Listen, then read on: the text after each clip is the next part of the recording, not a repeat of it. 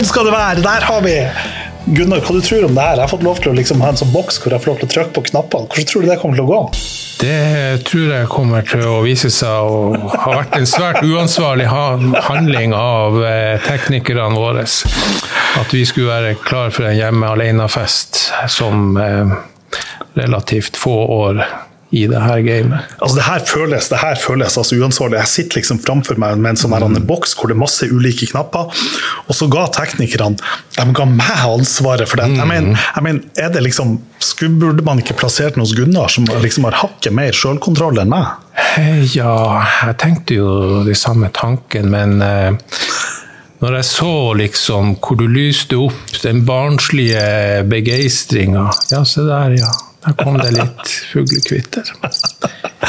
Jeg tenkte at eh, det her, det, det må han bare få lov å holde på med. Så får vi se hvordan det blir. Det blir som på sånn foreldreavslutning i kulturbarnehagen. Det er ikke, det er ikke alt som er like høy kvalitet, men Nei, Nei fordi at vanligvis så blir jo denne podkasten redigert av, av eh, av Result Studio, og den skal jo gjøre det denne gangen også. Men det er klart at de tingene som jeg trykker på her, det klarer de jo ikke å ta bort. og Dermed så kan det hende at dette blir en katastrofe, og så kan det hende at dette blir veldig bra.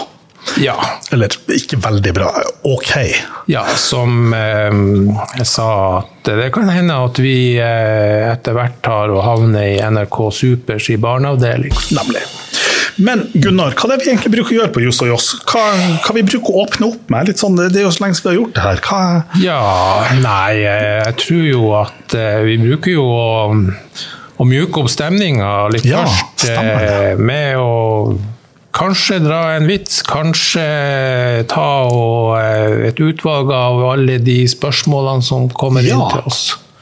Ja, og da, og da, har vi jo fått spørsmålet. Ja. Og spørsmålet som vi da har fått, er Marius, når det kommer neste Juss og Joss? Mm. Godt spørsmål. Godt spørsmål. Nei, og, og til det, siden jo liksom spørsmålet da blir liksom retta til meg, så er det kanskje jeg som må svare på det. Og da er jo svaret at ja, men du hører jo på den. Den er jo kommet ut når du hører på det, så det er jo svar nok. Men så kan det jo være et logisk oppfølgingsspørsmål. Men hvorfor har det liksom vært en liten pause og sånn? Og svaret på det er jo at det er jo fordi at det er jo jeg som da har ansvaret, han uten sjølkontroll, som har liksom ansvaret for å bestille tida i studio og sånn her, og på en måte gjør, gjør eh, de administrative oppgavene til det her som begrenser seg til en time i halvåret eller noe sånt. Og det, Jeg har hatt litt for mye å gjort det siste halvåret og liksom, ja, gått på en liten sånn smell og prøvd å plukke ned litt tida. Så dermed så har det blitt en liten ufrivillig juss og joss-pause. Mm. Men uh, nå ja, um, fint at du uh, tar den. Jeg hadde laga en liten sånn coverstory om at om at vi hadde blitt eh, uvenner og jeg hadde klappa til deg, og at det hadde gått så lang tid før at snakketøyet ditt grodde såpass igjen at du kunne prate. Nemlig. nemlig. Vent litt, eh, kan vi bare notere ned, spol tilbake? Går det an på det nye lydutstyret? Nei, kanskje ikke det går? Nei, jeg tror nok at det er liksom det one, gikk på en smell der. Du gikk på en uh, smell der, men uh, du hadde jo bestemt deg for å å gå på en smell. Men la oss få opp stemninga. Kanskje, kanskje, vi tar en, en, en, en liten uh, vits? Ja. ja. Skal vi se, vent litt, hva var, hvordan knapp er det? Ja, vent, nå er jeg klar. Nå vet jeg. Jepp. Du vet. Du styrer morolydene, og så kan jeg fortelle vitsen. ja. Har du en vits, da? Ja, jeg har en vits, eh, og den går som så. Det er nå klart at eh, mange studenter i Kina eh, kommer til å bli ramma av forsinkelser i, eh, i sensuren.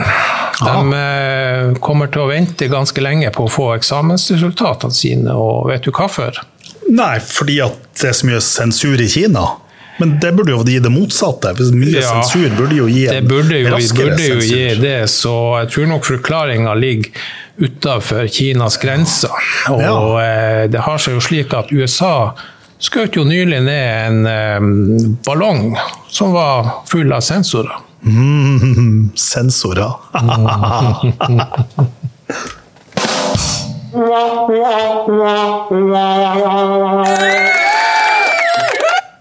sånn der.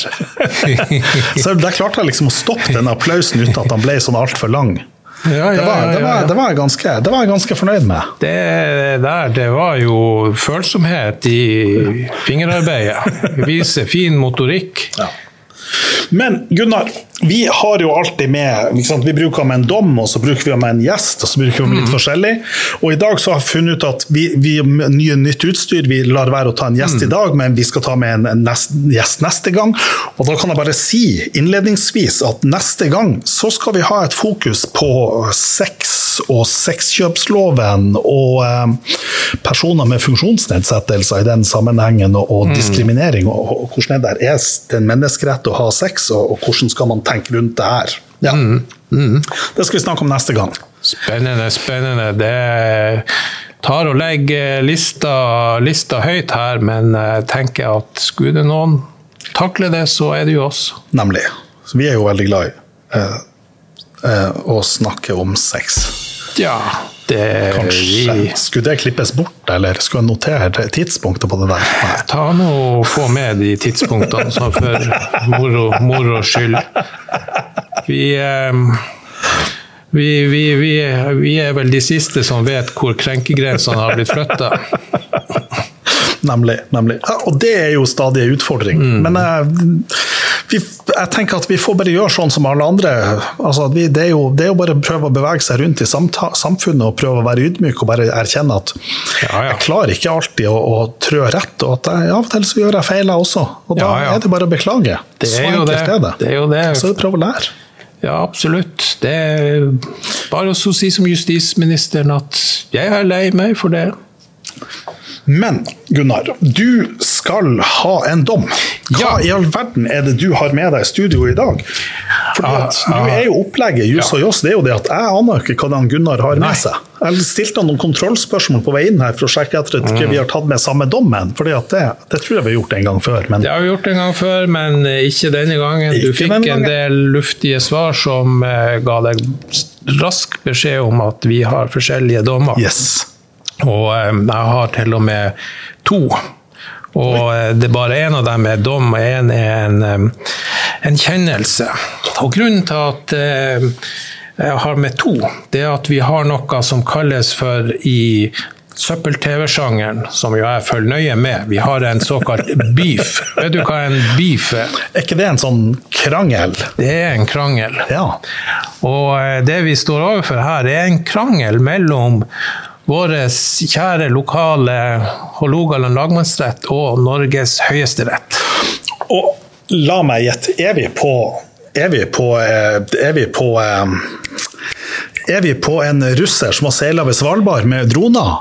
Vi er på en kjekk russisk mann som elsker friluftsliv. Han elsker Nord-Norge, og eh, det er så vakkert. Og han elsker Svalbard. og og ikke minst så, så liker han jo også å ha litt bilder av sitt fantastiske liv. Så Ja. alle som har fantastiske liv, det ser jeg jo ingenting på at de liker å, å dokumentere det. Nemlig. Det tar jo ikke å knipse så mye Ja, da fant han fram eh, kameraet med, med en gang. Vi skal ikke føle oss noe dårlige. Nei, men, eh, men eh, la oss komme til saken. Eh, Vi kan jo ikke sette ny juss og joss-rekord med en halvtime joss uten det minste fnugg av juss. Og nå er vi ni minutter ute i første episoden, Gunnar. Ja, ja, ja, ja, ja. Det her er jo Stakkars lytterne våre.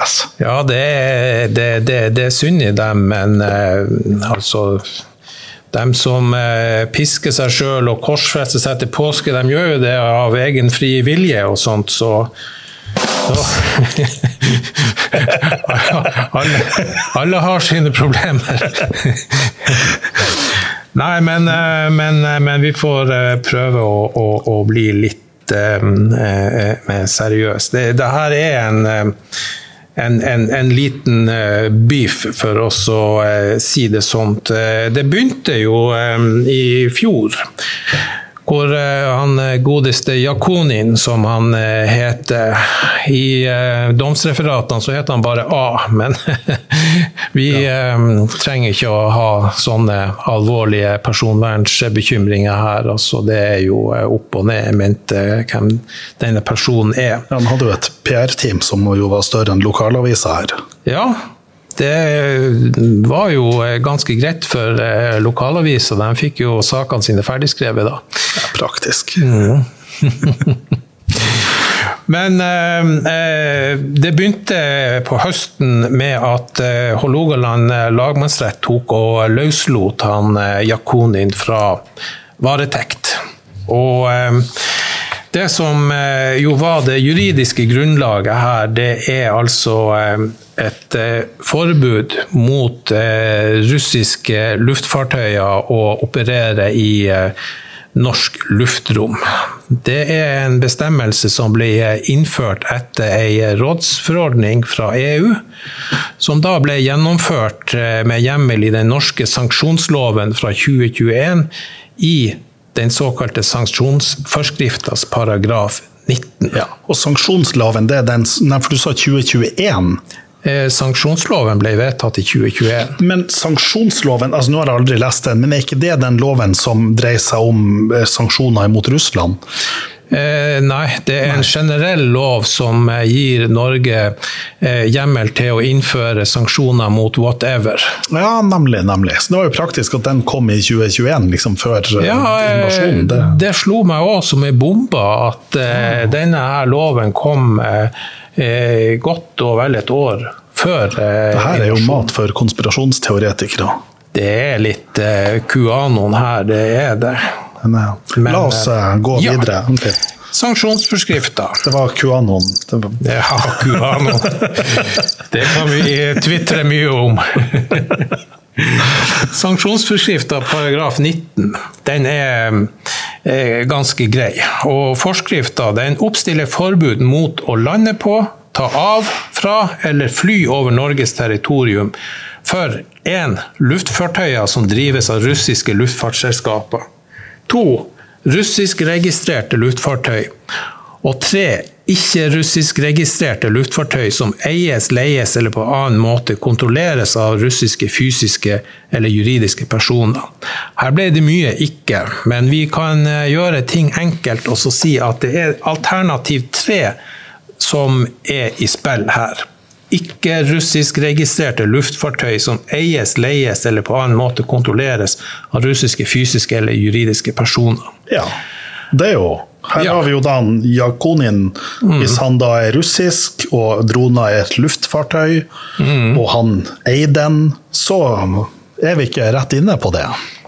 Ja, vi er inne på det. Og eh, det som er da eh, spørsmålet når eh, Høyesterett tar stilling til det, det er som kommer på spissen her, er om da denne bestemmelsen er klar nok. Det er det såkalte klarhetskravet. I strafferetten. Ja. Og eh, ankeutvalget tar og, eh, og slår fast at eh, denne forståelsen er klar nok. Og eh, her tar de og, eh, og støtter seg til at eh, det kom en særmerknad til forskriften i en kongelig resolusjon av 18. mars, altså nå nesten en måned etter krigen begynte. Mm. Og, eh, og, her tar man og, og fintolker bestemmelsens ordlyd som er russiskregistrerte eller eies, leies. Mm. Og da kommer Høyesterett fram da at eh, eller bestyr, betyr at det gjelder alle luftfartøy som eies, leies eller kontrolleres. Ja. Og eh, etter da å påpekt dette her viktige 'eller', så tar Høyesterett og konkluderer at ja, hjemmelen er klar nok. Og de tar da også eh, ganske så selvsagt da, eh, konkludere da at eh, Hålogaland lagmannsrett har tolka sanksjonsforskrifta paragraf 19 feil, og kjennelsen må derfor oppheves. Ja. Og så eh, tar jo da eh, sikkert våre venner nede på eh, Nansens plass og tenker at eh, det, her, det her var jo surt. og og vi er ikke noe dårligere jurister eller dommere enn Høyesterett, og de skal faen meg få. Og, ja, nå er jeg spent. og, Hvem som er førstevoterende her, da?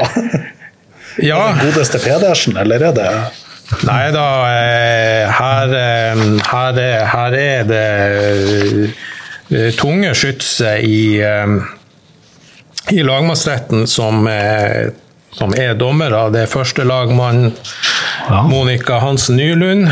Eh, det er den svært erfarne Vidar Stensland, lagdommer.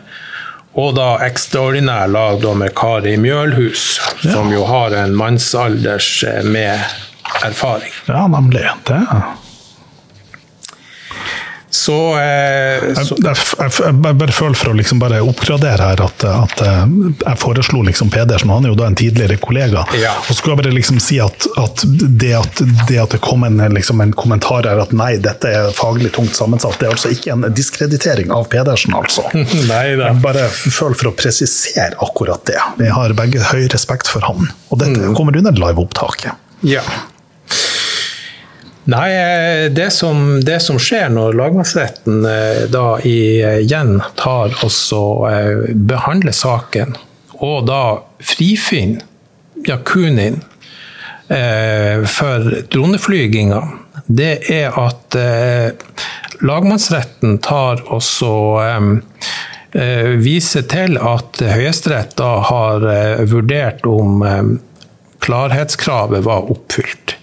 Men, sier nei, eller sier lagmannsretten, Høyesterett har ikke vurdert hjemmelsspørsmålet. Ja. Om eh, paragraf 19 da har tilstrekkelig hjemmel i sanksjonslovens paragraf 2. Nemlig. Så du har altså en, en forskrift, og i den forskrifta der har du da denne regelen, og så har du da en lov, og så er det siden denne loven paragraf 2, som du da sikkert nå kommer inn på, så er det spørsmålet altså er det ja. lovkravet oppfylt. Og da er vi over på legalitetsprinsippet. Vi er på legalitetsprinsippet, og eh, lagmannsretten bruker jo da veldig mye tid på å og, og prime denne saken. Og så tar de da og, eh, som en mellomkonklusjon og sier følgende at den norske ordlyden i sanksjonsforskriften paragraf 19 også skal tolkes slik fremgår av Høyesterett ankeutvalg kjennelse av 22.10.2022.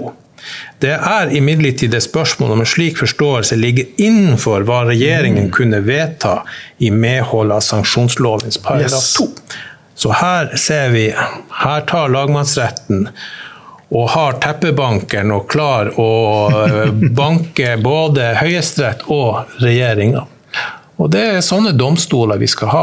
Ja. Uavhengige, sterke domstoler yes. som taler makta midt imot.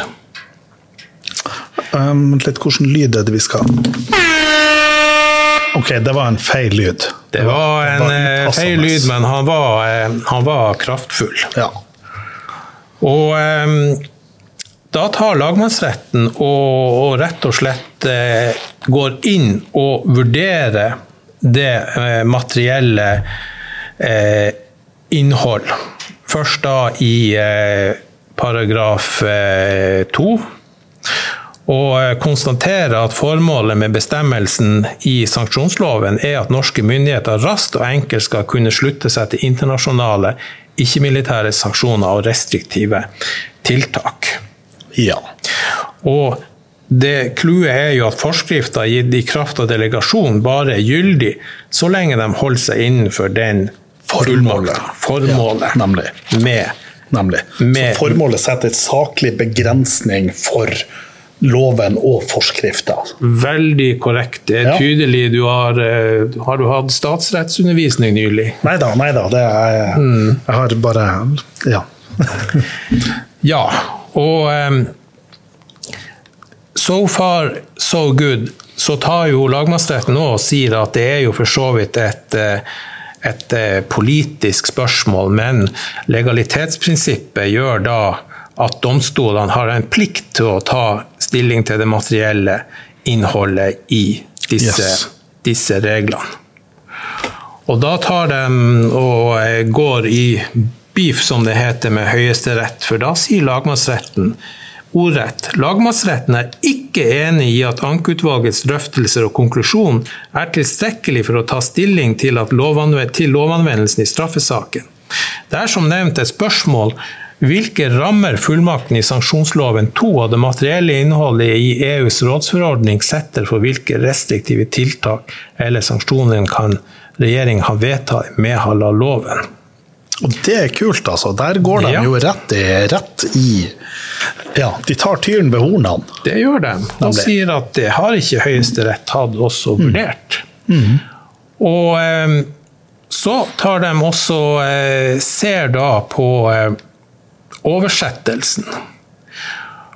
Og så tar Ja, for, fordi at den her, altså Oversettelsen, fordi at den denne forskrifta den er laga Ja. til i EU eller i EU, USA, i den verden, Ja. og så har man rett og slett bare innhenta den, inkorporert den. Bare. Ja, man har oversatt den direkte fra den eh, engelske versjonen. Og da har man brukt ChatGPT til å oversette den, eller noe sånt. Ja. Eller eh, Google. Google er jo òg fin. Så Det lagmannsretten tar også gjør, tar og er, at eh, de ser da på andre oversettelser. De ser da på den danske og sier at den ligger nærmere oss i eh, språkkultur enn den danske, nei, enn den engelske. Og um, Ja, og hva sier den danske, da? Ja, den, den er det danske noen nyanser å dra opp her, eller? Er det, Jeg ser egentlig um, det er hårfint? det, det, det, det, det er hårfint, uh, men um, Men det er jo det, men, det, er jo det lagmannsretten må gjøre her. Hvis man skal gå inn på denne beefen, så er det jo sånn at djevelen Ja. ligger jo i detaljene. Ja, og, em, og hva vi sier Djevelen ligger i, detaljene, og ikke bare er det den danske versjonen som tar oss og trekkes opp. Eh, lagmannsretten trekker òg opp da at det er den mest presise eh, oversettelsen som må legges til grunn, og ikke den norske tolkninga av den offisielle oversettelsen, eh, slik da påtalemakta eh, legger til grunn. Og eh, her kom også eh, en artikkel i siste Lov og rett til lagmannsretten til hjelp, som eh, på det tidspunktet var upublisert. Og her tar de også da og trekker fram da at formuleringa i den finske teksten oversatt til norsk av det tvilsomme punktet i sanksjonsforskrifta er luftfartøy registrert i Russland og luftfartøy registrert andre steder enn i Russland. Ja, nemlig. Og så trekker lagmannsretten videre fram at eh, formålet med eh, forskrifter og rådsforordninger er da å ramme russisk kommersiell luftfart. Luftfart med altså en eh, økonomisk formål. Nemlig. Og man tar også og ramser opp da at eh, samme presisjonsnivå eh, som hva vi si, den finske finnes i flere varianter, bl.a. den estiske og bulgarske teksten. Men, men jeg, bare tar, jeg har bare et sånn rettskildemessig spørsmål, bare si at jeg har skjønt det her. Fordi at, for her er jo poenget? Du har den, den norske sanksjonsloven, og så har du da en forskrift, og da høres det ut som at for jeg i stad så åpna jeg opp for EU og USA, men det høres ut som at vi da på en EU, altså ja. EU-forskrift, Ja. og denne, denne EU-forskrifta den har man da tatt inn. Og så er det sånn at, og så er da spørsmålet er, er dette en overtredelse av denne forskrifta. Og da er det jo da på en, fordi at da er det jo spørsmål, da har du da en EU-regel, rett og slett. Så er spørsmål, mm. Her skal vi da bruke en EU-regel, og dermed ser vi på spørsmål hvordan skal vi tolke denne EU-regelen.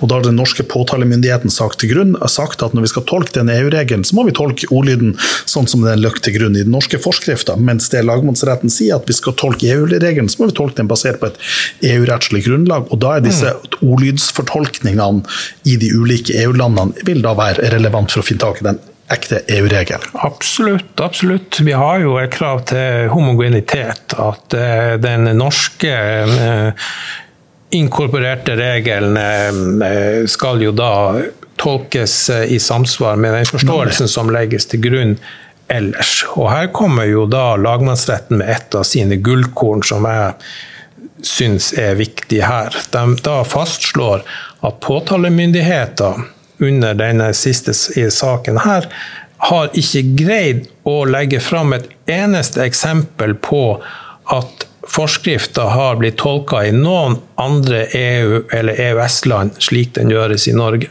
Nemlig.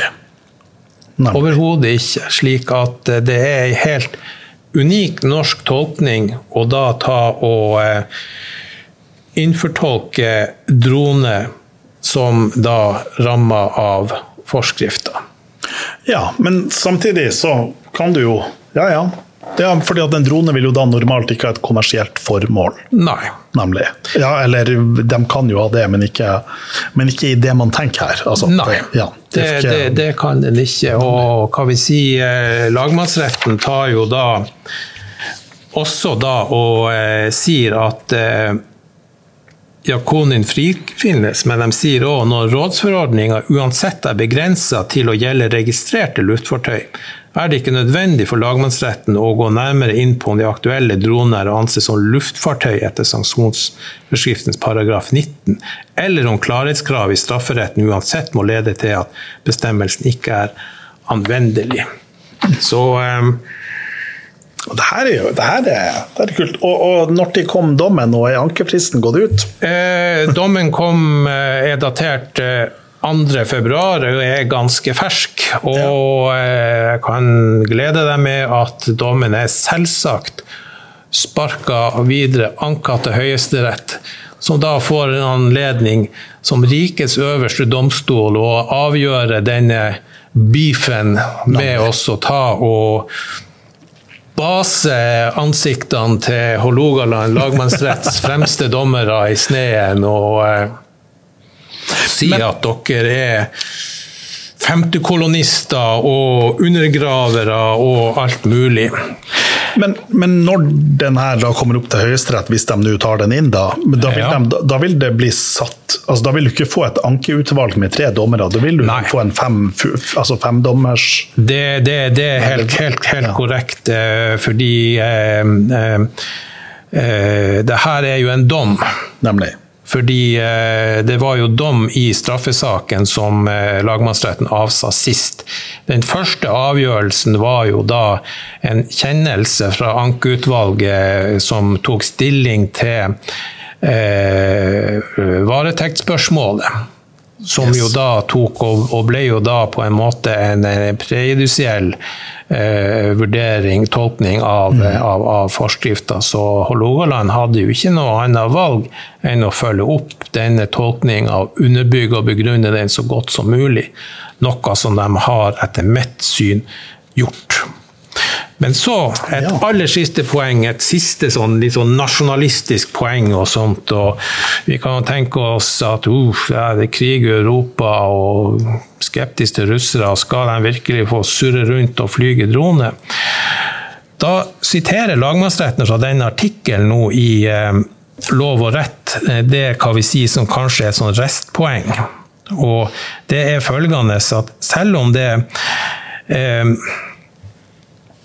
selv om det, det, det å eh, hindre at eh, skjermingsverdige objekter er hva vi sier, overvåkbar av eh, slike droner, så er dette noe som da faller innenfor hva vi sier, det enkelte medlemslandet sin egen interne rett å bestemme. Det faller da utafor eh, EU sitt kompetanseområde å, å bestemme noe om hva vi sier sikkerhets, Norges interne sikkerhetsregelverk.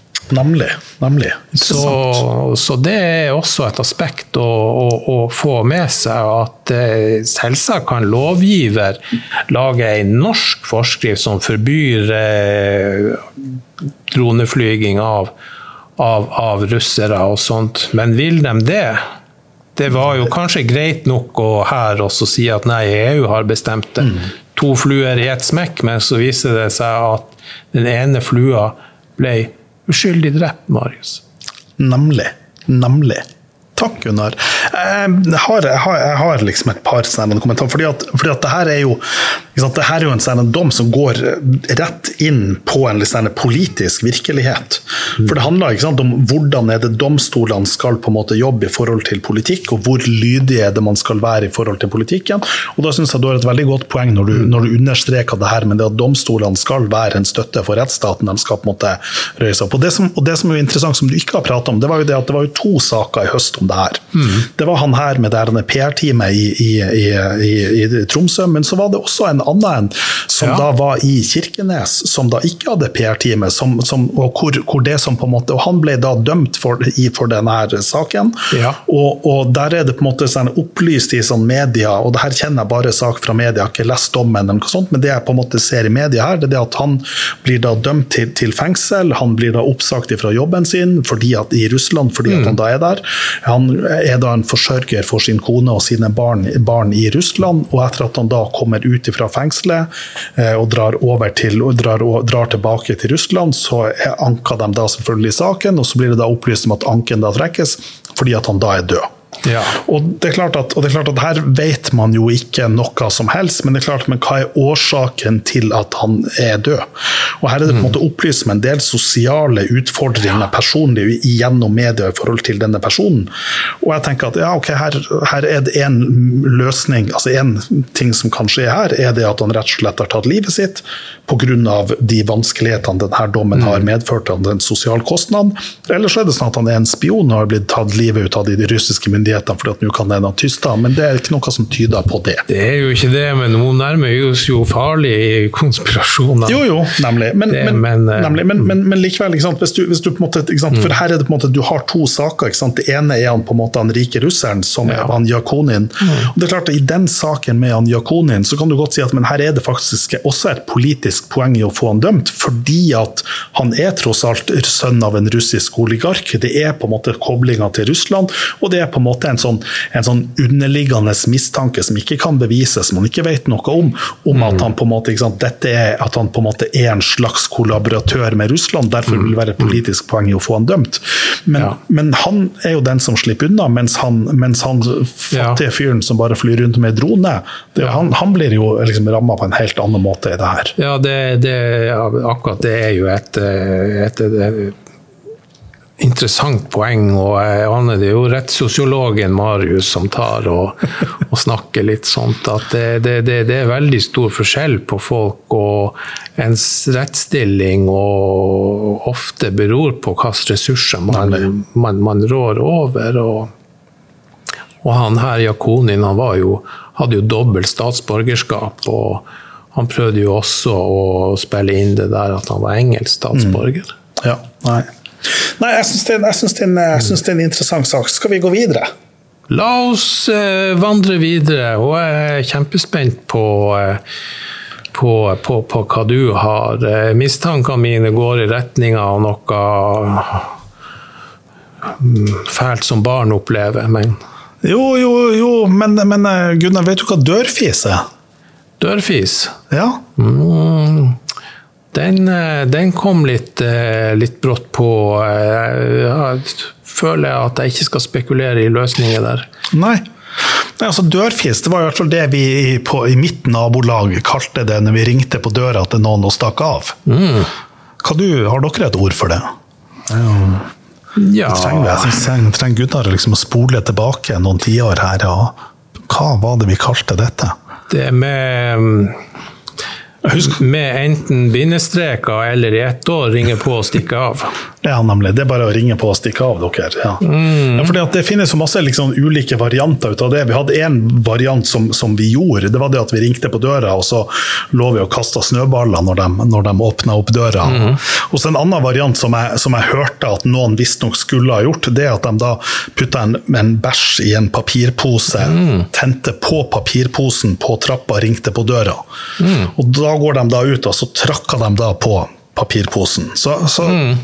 det, ja, De fikk jo slokka brannen, i hvert fall. Ja, nemlig. nemlig. Og så er jo poenget, og det som jo var artig med det her, det er jo liksom denne spenninga.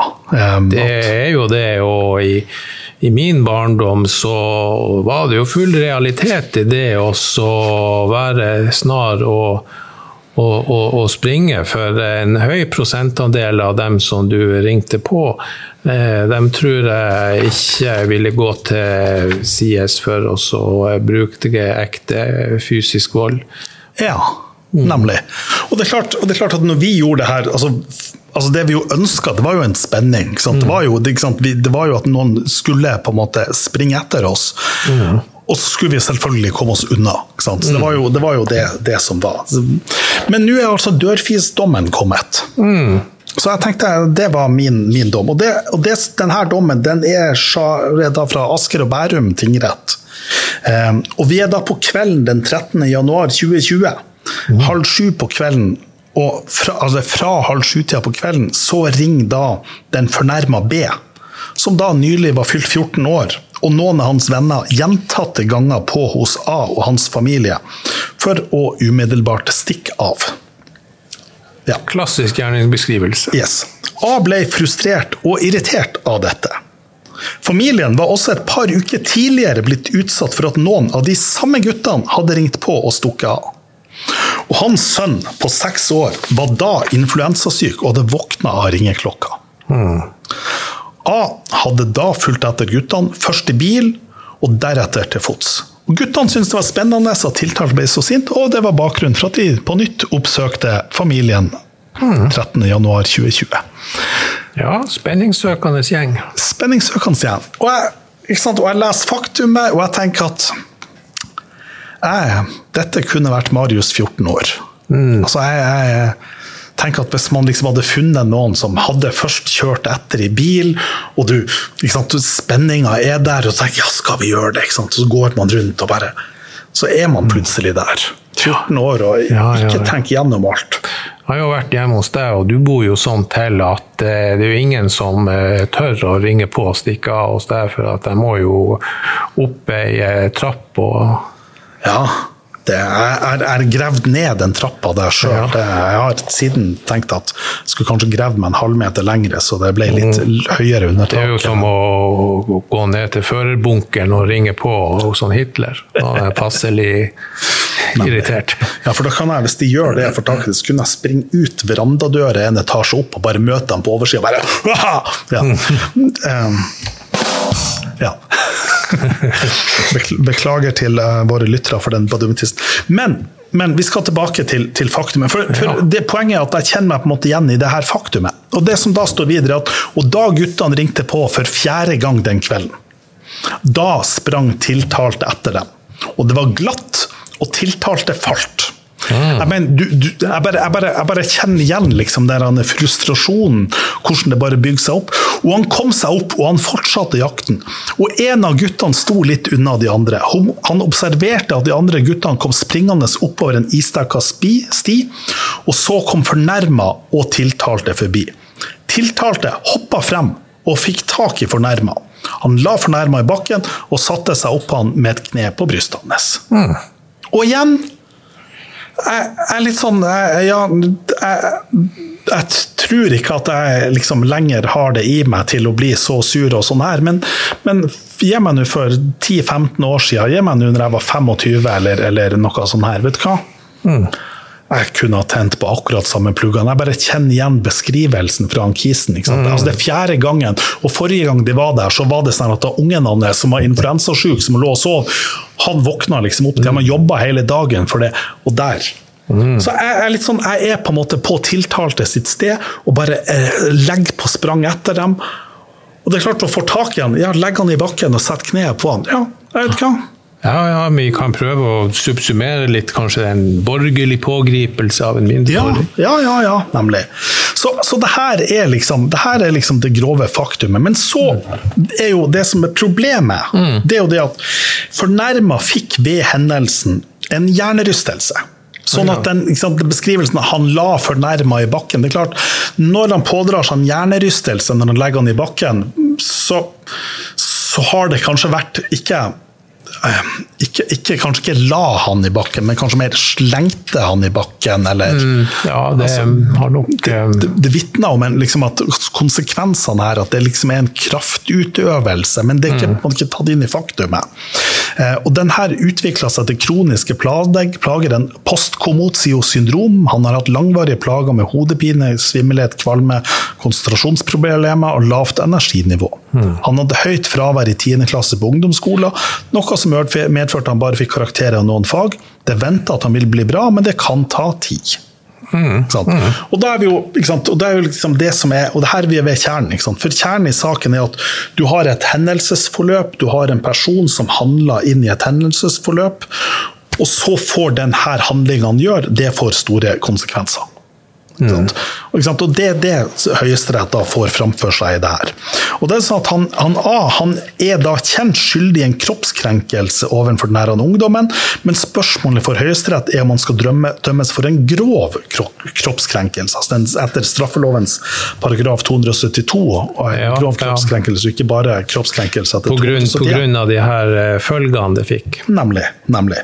Og da sier på en måte lovbestemmelse 272 den sier at ved avgjørelse om kroppskrenkelsen er grov, skal det særlig legges vekt på om den har hatt til følge sterk smerte, skade eller død, og for øvrig om den har skjedd uten foranledning av karakterer overfall, begått mot forsvarsløs person, karakterer mishandling, flere i fellesskap, motivert av hudfarge, nasjonale, etniske eller lignende, altså er det en liste der, eller er utprøvde ved kniv eller særlig farlig redskap. Um, ja. Og så er det da Høyesterett går inn, og så går de da inn og, så, og så drøfter det her. Um, og så uh, Der hører jeg når jeg blar i arket i mikrofonene her. fordi at i studio her, nå har vi jo da fått sånne hodetelefoner. Mm. ja. Men det de da gjør, så går de da inn og så tolker de det her og sier at det skal være en samla vurdering. Eh, og, så, og, så, sier de da momentene angitt i lovbestemmelsen knytter seg til en klandreverdig, altså hvor klanderverdig gjerningsperson opptrådte. Men mens det etter lovens ordslyd skal legges særlig vekt på skadefølgen, så skal det for øvrig legges vekt på mm. disse momentene. Det betyr at det sentrale for om kroppskrenkelsen er en kroppskrenkelse eller en grov kroppskrenkelse. Så det som er særlig avgjørende, er skadefølgen. Det er klart at For denne eh, ungdommen, barnet, så er det klart at her er jo skadefølgen stor. Så at den handlinga han har gjort, mm. den er i utgangspunktet Det er ingenting som tyder på at det er en grov handling. Altså at den handlinga han har gjort, er spesielt grov eller inngripende. Men det som er spesielt her, det er at det får en stor skadefølge. Mm. Um, og så, og så, går han så inn og så vurderer de ok, vennegjengens oppførsel var utvilsomt både plagsom og kritikkverdig, men dette kan ikke forsvare at en voksen person reagerer slik tiltalte gjorde. Foranledninga til voldsbruken kan derfor ikke tillegges særlig vekt ved vurderinga om krenkelsen var grov. Mm. Og her, eh, og så, og så sier også det at, eh, at eh, Ja, jeg tar, tar det poenget først. For her tenker jeg ok, fordi at her er det, liksom, det er helt åpenbart for meg at her har du på en måte en, en foranledning. Ja. Du har en foranledning som utløser en handling. Han mm. er på en måte hjemme hos seg sjøl. Altså, han er hjemme hos seg sjøl, og så kommer, kommer, de. Det er på en måte foranledning som, som utløser det. Men samtidig så er det sånn at det er på en måte et ganske stort tidsrom mellom at de ringer på døra og denne kroppskrenkelsen skjer. Det er på en måte mange tidspunkt mellom der hvor han på en måte kan stoppe opp, han kan tenke seg om han kan gjøre ulike ting. Men fordi at han på en måte ikke stopper opp mellom her, fordi at han på en måte ikke henter seg inn i det, men på en måte går ut på, på, på denne jakta, og når han sklir og detter på isen, så blir han bare, bare enda sintere og setter i gang. Så sier man det at nei, men det her foranledninga det kan ikke tillegges vekt. Og det, da tenker jeg det at jeg har, har, har Høyesterett vært ute på dørfis? Hva er, hva er liksom realkompetansen til Høyesterett i forhold til, til dørfis? Høyesterett eh, får jo mye tyn for eh, at svært mange bor innenfor den såkalte Ring 3 i eh, Oslo, og eh, vil jo har jo da, hva vi si, si eh, livserfaring eh, fra et eh, relativt begrensa miljø av eh, den mer velberga delen av befolkninga. Så eh, det, det, det, det spørs hvor utbredt utbredd ja. slike dørfis eh, er blant ungdommen eh, der, da. Ja. Kanskje de heller tidlig begynner å snorte kokain og ikke bryr seg om Ja. så mye ute, utevirksomhet. Hvilken av høyesterettsdommerne var det du tenkte på der?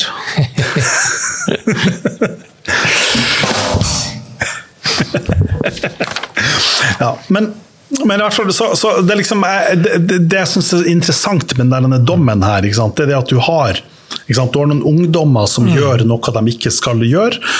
Som jeg kan forstå. Jeg kan på en måte forstå hvorfor man gjør det. Ikke sant? Den handlinga de gjør, det er på en måte en plagsom atferd. Og den vil nok, sånn som det er beskrevet her, så er du nok på en måte kan muligens over straffeterskelen for en irriterende og plagsom atferd. Det er et sånn straffebud for det, uten at jeg har gått inn og sett på praksisen der.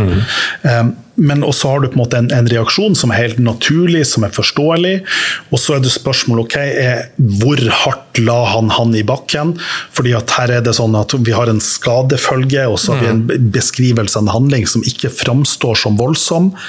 Um, hvis du da legger til grunn at denne handlinga, at den samsvarer mellom handlinga og skadefølgen, Ja. så er det klart at da er du på en måte på en ganske voldsom handling.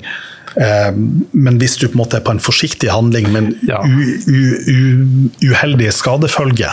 Ja, men eh, sånn bare for oss å kontrollspørre, det, det var ikke noe tvil om at denne skaden var omfatta av, av forsett, eller eh, Ja, hvordan var det, da? Eh, For, jo, men, jo, men det mener man at, at den ikke er omfattet av for, forsettet. Mm. Man sier at altså, Skyldkravet for krenkelse er forsett. Når det gjelder skadefølgen, er skyldkravet ordinær uaktsomhet.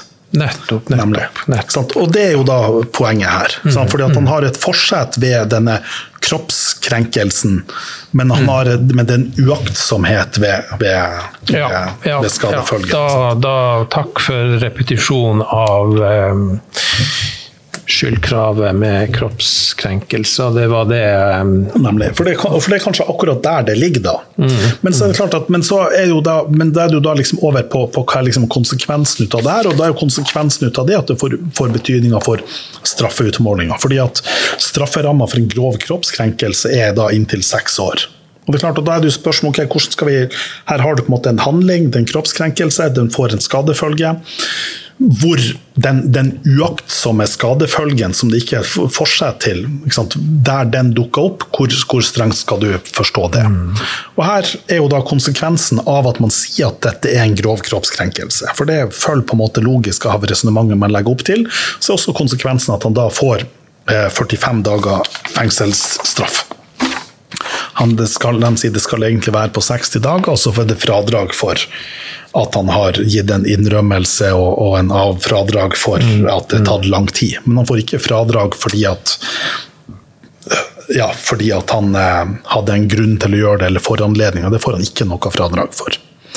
Og det da, og det er da liksom, og det er da liksom min refleksjon rundt denne dommen, det er at, det at jeg syns det er en, det er en interessant dom. Jeg skjønner hvordan Høyesterett resonnerer. Det, på en måte- det er på en måte logisk ut ifra de her rettskildene. Og så sitter jeg likevel med en sånn her følelse ut av det at ja, men mm, hvis, hvis dette hadde vært meg når jeg var 25 eller 30 eller hvor gammel jeg var, ikke sant? og min unge hadde ligget sånn her sjuk, og sånn her, så tenker jeg at ja, det kunne ha skjedd meg. Og det, altså, jeg, jeg kunne ha sprunget etter de her. Jeg kunne ha eh, lagt han i bakken og satt kneet kne i brystkassa hans. Og jeg kunne hatt et forsett med tanke på den kroppskrenkelsen, og jeg kunne hatt en uaktsomhet med tanke på skadefølgen. Ja, og dermed men jeg ser jo, jeg ser jo hvor, hvor du er hen her, og, eh, og, og her er det jo um, det, det, det er jo to ting som, som stikker seg ut her. Og de har ikke nødvendigvis noe med hverandre å gjøre. Det, Det ene tingen er jo da at eh, denne gutten, han, eh, han, han, han blir eh, skada. Og det poenget som du prøver å legge opp til, det er, slik jeg ser det, at eh, du tar et stykke på vei og forsvarer denne handlinga gjort i såkalt berettiga harme. Ja. At eh, her hadde man grunn til å være sint. Men så er jo det et spørsmål at selv om en handling skjer med en viss berettigelse, at du er med rette forbanna Så er det et barn. Så er det et barn du tar eh, hardt i, og Nei. det får eh, ganske store følger mm, det for det. det barnet. Det gjør det. Og det koker oss ned til uh, at det er du som, som er voksenperson og, og, og, da kan vi ta og gjøre tankeeksperimentet. Hva kunne du ha gjort, og hvor burde du ha stoppa? eh, la oss si det sånn at, eh, at, at, det er greit at du blir sint, og det er ikke straffbart av deg å, å ta det ut på en liten spring-løpetur. Nå er det jo en X-faktor her at han går i dørken og kanskje blir helt skikkelig spinnvill og sånt.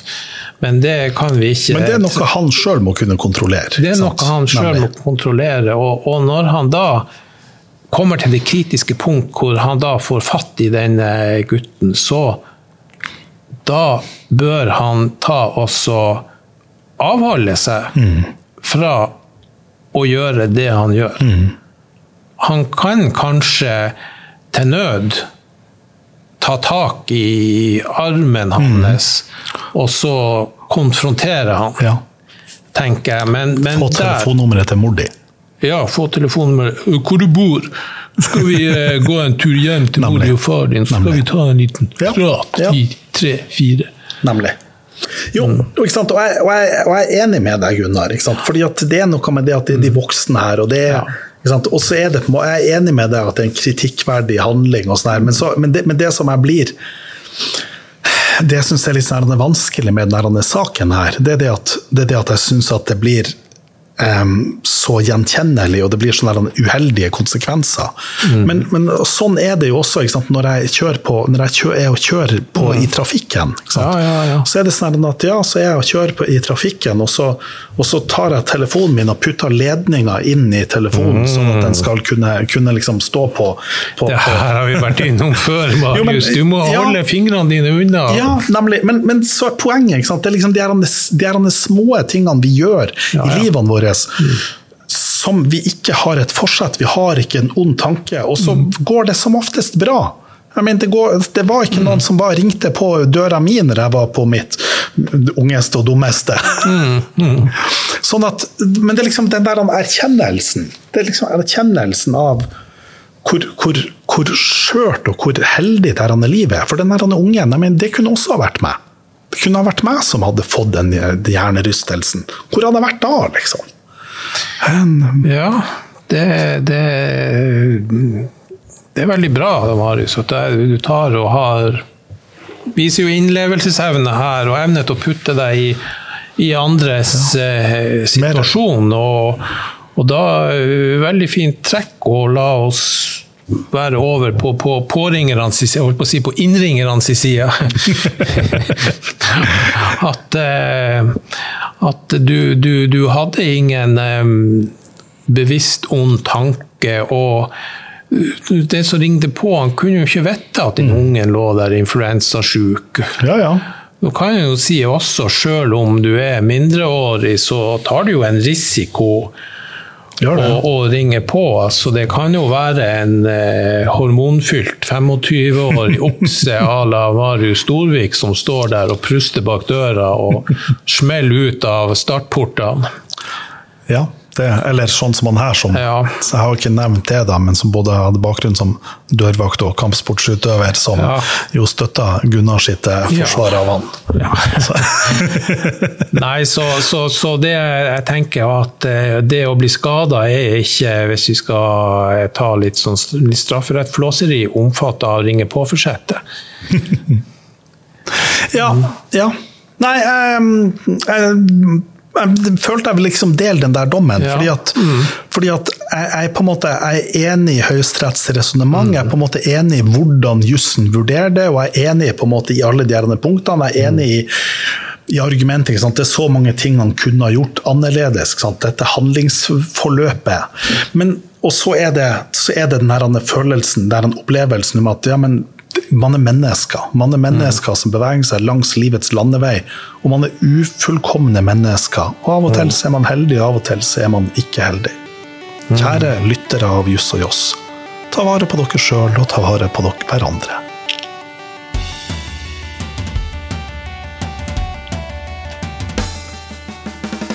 Podkasten Just og Joss produseres i samarbeid med Result på Universitetet i Tromsø.